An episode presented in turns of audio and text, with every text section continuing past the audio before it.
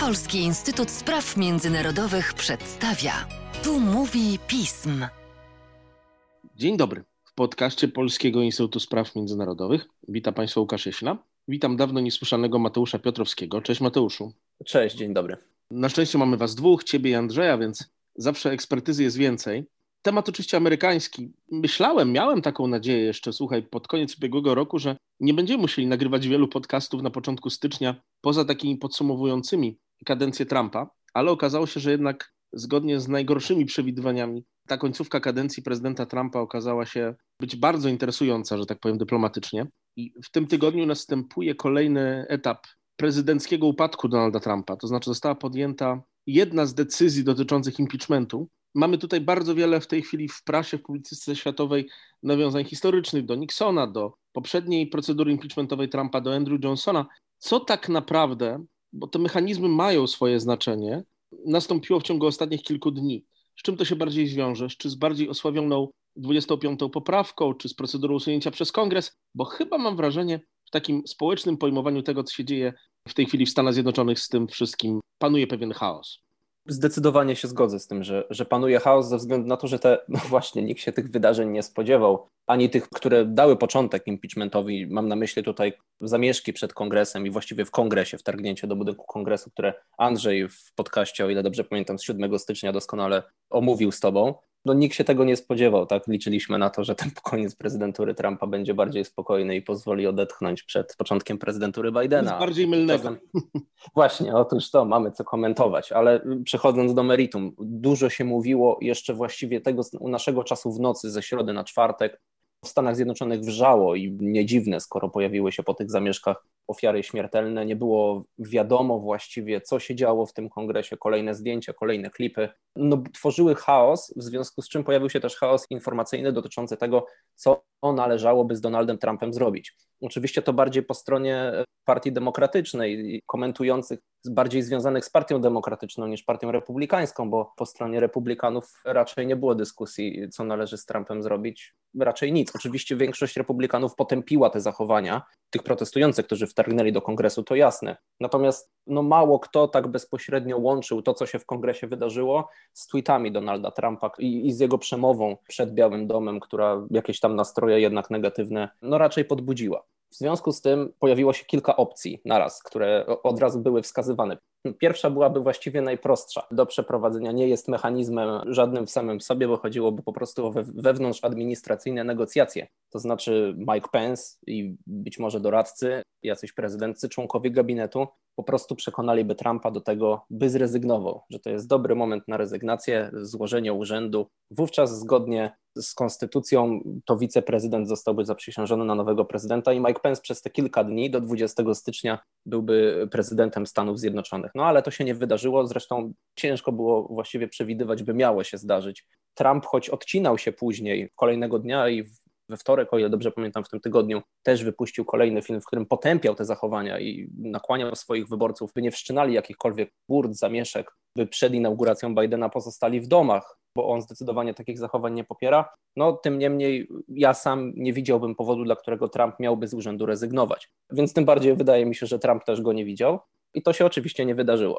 Drugi mechanizm, który był bardzo prędko wymieniany, i tutaj też, no to już jest właśnie mechanizm formalny, jest to jedna z sekcji 25 poprawki do Konstytucji, gdzie wiceprezydent może zainicjować procedurę głosowania przez członków gabinetu nad tym, czy prezydent jest jeszcze zdolny do sprawowania władzy. Także w takim właśnie formacie psychicznym, nazwijmy to sfery takiej psychologicznej, czy trzyma nerwy na wodzy, nazwijmy to, czy jest w stanie podejmować racjonalne decyzje. W taki sposób bym to określił. Tutaj przede wszystkim Pence sam musiałby chcieć to zrobić, uruchomić tę procedurę, a ponadto potrzebowałby co najmniej ośmiu sekretarzy, którzy zagłosowaliby za, bo członków gabinetu jest więcej. Są też szef CIA na przykład, dyrektor wywiadu narodowego. Tych pozycji na poziomie tak zwanego gabinetu właśnie jest więcej i to każdy prezydent decyduje, ile ich jest, jakie urzędy się w nie włącza. Natomiast w tej, przypadku tej procedury właśnie, żeby nie mieć chaosu takiego, kogo włączać, kogo nie, prezydent przecież nagle mógłby rozszerzyć gabinet, tak, dodając nowe urzędy w sytuacji zagrożenia taką procedurą, więc tutaj chodzi wyłącznie o stanowiska sekretarzy. No tutaj departamentu nowego już tak łatwo się nie da utworzyć, przede wszystkim bez zgody kongresu, poza tym to ogromna machina, która no, latami się uruchamia Ostatni departament, tylko tak słowem wtrącenia, został uruchomiony w 2003 roku, Departament Bezpieczeństwa Krajowego, po zamachach na, na World Trade Center i, inne zamachy z 11 września terrorystyczne. Procedura trwała dwa lata. To tylko słowem wtrącenia. Oczywiście Mike Pence nie miał woli politycznej, by uruchomić 25. poprawkę, żeby Trumpa od władzy odsunąć, no, pamiętając na pewno o ogromnej rzeszy wyborców republikańskich, która miałaby mu to pewnie za złe, a Pence też raczej myśli o tym, jak dalej potoczy się jego kariera polityczna. Wątpię, żeby Pence stołku, że tak na stołku wiceprezydenta zakończył swoją karierę. Raczej jeszcze o Pensie usłyszymy w kolejnych latach. Na pewno wydaje mi się w prawyborach w 2024. Ewentualnie powrót do polityki w typie senatu lub gubernatora. No tak, to prawda. Gubernatorem już był, natomiast członkiem kongresu i raczej dobrze stawiasz, że to Senat wątpię, by Pence ubiegał się o mandat w Izbie Reprezentantów. Natomiast faktycznie senatora, kto wie, a jednak wykazywał się sporą racjonalnością polityczną, która wielu wyborcom republikańskim, którym właśnie ten Trump z ostatnich miesięcy swojej kadencji się nie podoba, ten kwestionujący wyniki wyborów, właśnie nawołujący do jakiegoś natarcia na kongres, no to Pence jest tutaj głosem racjonalności i na pewno, na pewno wielu wyborcom taki senator, gdyby, gdyby Pence chciał wystartować, mógłby się spodobać. Wracając jeszcze do tych mechanizmów, 25. poprawka nie została zastosowana, ten mechanizm e, z tej poprawki, mimo że kongres też, Izba Reprezentantów dokładnie, żeby być precyzyjnym, wydawała rezolucję. Ona jest oczywiście prawnie niewiążąca, ale wzywającą wiceprezydenta do uruchomienia jej. No ale tutaj, tak jak już wcześniej wspomniałem, po stronie Pensa nie było woli, by, by to robić. Jest jeszcze czternasta poprawka do Konstytucji, Właśnie. która się pojawiała, ale ona nie ma takiego szerokiego mechanizmu zastosowania, natomiast w tym przypadku była przywoływana. Czternasta poprawka dotyczy wszczynania, e, no właśnie, udziału przez urzędnika federalnego albo stanowego też kogoś, kto w każdym razie, tak to jest określone ładnie w tej poprawce, kto przysięgał na Konstytucję Stanów Zjednoczonych i jednocześnie wziął udział w powstaniu lub buncie przeciwko władzom Stanów Zjednoczonych, bądź udzielał pomocy albo poparcia. I tutaj odchodzi o to poparcie, o te tweetowe, nawet niesłowne Bardziej chodzi o te, o te nieszczęsne tweety Trumpa, które miały być właśnie słowami zachęty dla, dla protestujących. One były, że tak, że tak to nazwę, podpinane pod to, by uruchomić 14 poprawkę. Wówczas mechanizm działa tak, że obie izby kongresu mogłyby przegłosować rezolucję dotyczącą, no właśnie, zniesienia z urzędu prezydenta. Tam są potrzebne zwykła większość głosów, no ale jednak póki co jeszcze Senat jest kontrolowany przez republikanów, w związku z czym raczej nie było podstaw by to wszczynać, oczywiście wszczynałaby to Izba Reprezentantów. I chyba demokraci doszli do podobnego wniosku, skoro nie uruchomili tego mechanizmu, tylko zdecydowali się, i tutaj ostatni z wachlarza mechanizmów, jednocześnie przejdziemy do tego, co się dzieje.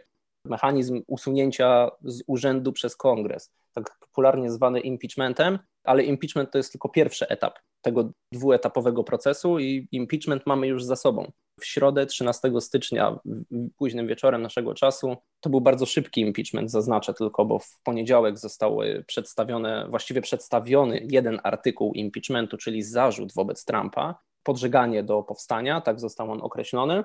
Więc został wyciągnięty właśnie, sam zarzut został wyciągnięty czy opracowany na podstawie 14 poprawki do Konstytucji, a więc jest bardzo mocny, jeżeli chodzi o, o podstawy prawne natomiast nie opiera się na tym mechanizmie usunięcia. Impeachment jest konstytucyjnym mechanizmem nadanym kongresowi, by kontrolować władzę wykonawczą. W środę naszego czasu wieczorem Izba Reprezentantów stosunkiem głosów 232 do 197, tutaj była potrzebna tylko zwykła większość głosów, a więc co najmniej 218, zagłosowała za impeachmentem Donalda Trumpa, właśnie, czyli postawieniem w stan oskarżenia. Kolejnym etapem będzie proces w Senacie i mam nadzieję, że o tym jeszcze mi się zaraz uda trochę opowiedzieć, ale skończę na tym impeachmencie, dodając trochę symboliki do tego. To jest drugi impeachment Donalda Trumpa, pierwsza taka sytuacja w historii Stanów Zjednoczonych, kiedy jeden prezydent został poddany impeachmentowi dwukrotnie. Po raz pierwszy w historii, to znaczy to głosowanie, w którym włamało się 10 republikanów, bo do demokratów głosujących za dołączyło 10 republikańskich kongresmenów, to jest największa liczba kongresmenów partii prezydenta, która zdecydowała się zagłosować za jego impeachmentem w historii. W przypadku impeachmentu Johnsona nie głosował nikt z jego partii, w przypadku impeachmentu Trumpa w 2019 też żaden republikan nie głosował. W przypadku impeachmentu Clintona pięciu demokratów się wyłamało i głosowało za jego impeachmentem. Także wydaje się, że ta dziesiątka to jest liczba mała, natomiast jest największa w historii, jeżeli chodzi o tę ponadpartyjność. To jest jednak pewna symbolika, która może przytłaczać, ale jednak zapisze się w historii, choć zapewne nie tak, jak Donald Trump by sobie życzył, bo jego ostatnie dni prezydentury się na kartach amerykańskiej historii zapisywały. Myślę, że w ogóle chyba o inne zapisywanie się w historii mu chodziło, ale poza historią jest jeszcze kwestia realistyczna. Czy jest szansa realna zdjęcia Donalda Trumpa z urzędu przed końcem jego kadencji? To już przecież środa. No tak, o ile Trump nie zdecyduje się ustąpić z urzędu, ale to już wydaje mi się, że przedstawiłem argumentację za tym, że nie, no to nie jest to realne. Ten 25. poprawka nie zostanie uruchomiona, zostaje tylko możliwość no, realizacji tego drugiego etapu procedury impeachmentu, czyli proces w Senacie i ewentualne skazanie w tym procesie. O tym zaraz, ale no nie, generalnie przez te kilka dni, które nam zostało do końca prezydentury Trumpa, on nie sobie dosłuży jako prezydent i 20 stycznia jego kadencja zdecydowanie dobiegnie końca. Czyli nie istnieje, tak jak niektórzy publicyści twierdzą, możliwość kontynuowania tego procesu po zakończeniu jego kadencji, czy jak? To jest pytanie odwołujące się do precedensu, bo oczywiście konstytucja, jako że była tworzona jako dokument tymczasowy, a stała się symbolem niezmienialnym, nie doprecyzowuje wielu kwestii i także nie doprecyzowuje tego, czy proces może być prowadzony już po ustąpieniu czy zakończeniu kadencji, ale w każdym razie w momencie, w którym osoba, wobec której postępowanie wszczęto, nie znajduje się już, nie pełni tego danego urzędu. Precedens jest taki, choć też nie jest on do końca precedensem, bo ostatecznie procedury nie wszczęto, ale w 1876 albo 4 roku, nie, nie, nie do końca pamiętam, ale kongres zastanawiał się nad tym, czy Williama Belknapa, który był wówczas sekretarzem wojny, i ustąpił właśnie z urzędu. To chodziło o zarzuty korupcyjne w administracji prezydenta Ulyssesa Granta. Tam tych zarzutów było bardzo dużo ale Belknapem chcia, chciano się zająć chyba najpoważniej ze wszystkich. I Belknap szybko ustąpił, natomiast kongres właśnie się zastanawiał nad tym, czy w ogóle wszcząć procedurę,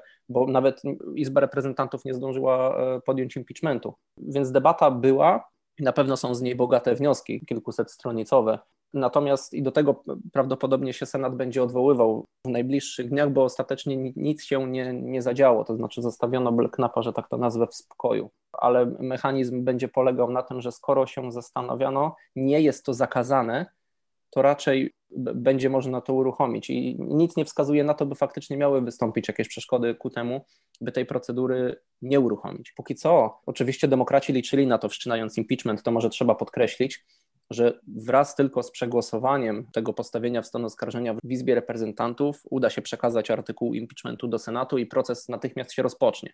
Ale Senat znajduje się w przerwie tak zwanej, tuż po certyfikacji głosów 6 stycznia, kiedy ona została zakończona przez połączone Izby Kongresu, Senat udał się, udał się na przerwę i ona została zarządzona do 19 stycznia.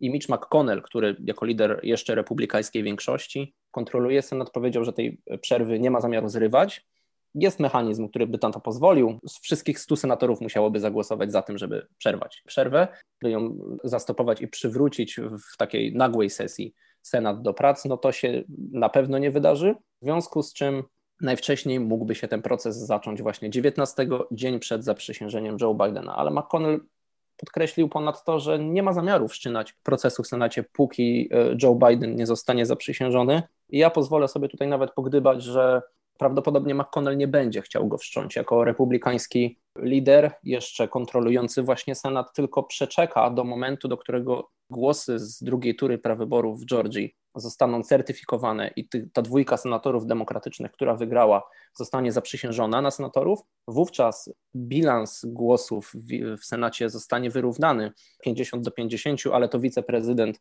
która będzie demokratką wówczas, tak, znaczy jest demokratką, ale, ale będzie już Kamala Harris po zaprzysiężeniu i będzie kontrolować Senat, wówczas to demokraci będą kontrolować Izbę i to najprawdopodobniej oni będą wszczynać to postępowanie senackie, proces. No, żeby było na nich. I, I z tego się właśnie bierze pytanie ostatnie, bo jakie to będzie miało tak naprawdę, to co się teraz dzieje wokół tego, konsekwencje nie dla Donalda Trumpa, bo tu możemy bardzo wiele rzeczy gdybać, na pewno nie zostanie zostawiony w spokoju i sam nie będzie chciał zostać na takiej emeryturze, ale jakie to będzie miało konsekwencje dla Joe Bidena, Kamali Harris, dla tej nowej prezydentury?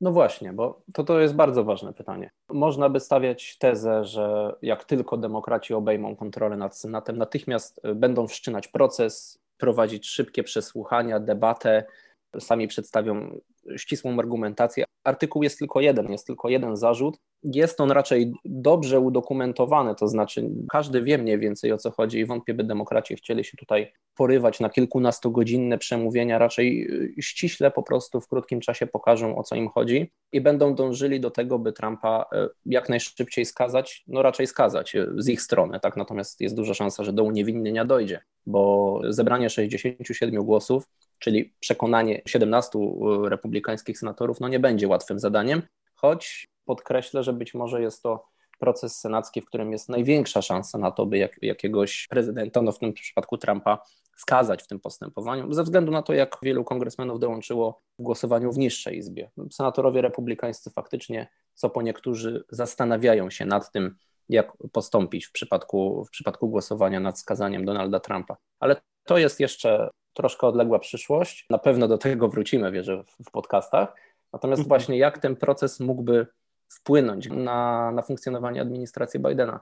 Gdyby demokraci od razu zdecydowali się podjąć proces senacki, rozpocząć go, sparaliżowaliby pierwsze dni prezydentury, czy właściwie może nawet pierwsze tygodnie, jeżeli te wszystkie przesłuchania, debaty by się rozciągały, to sparaliżowaliby te pierwsze tygodnie funkcjonowania administracji Bidena. Bo Senat jest wówczas zobowiązany do tego, by skupić się przede wszystkim na procesie senackim i resztę spraw, które są im powierzone, odroczyć tak tylko jak to się tylko da. To znaczy, są pewne sprawy oczywiście, którymi się oni mogą zająć w nadzwyczajnych sesjach, natomiast przed podstawowym ich zadaniem w czasie rozpoczętego procesu jest właśnie, jest właśnie prowadzenie tego procesu, tych elementów, o których wspomniałem, w związku z czym nie mogliby zająć się procesem przesłuchań kandydatów do administracji, a tych jest wielu, to nie są tylko ludzie na najwyższym stołki, tak, kierownicy departamentów czy szefowie agencji, ale także te niższe szczeble też przechodzą proces zatwierdzeń w Senacie. To jest łącznie ponad tysiąc urzędników, którzy muszą przejść proces akceptacji. To się rozciąga oczywiście w czasie,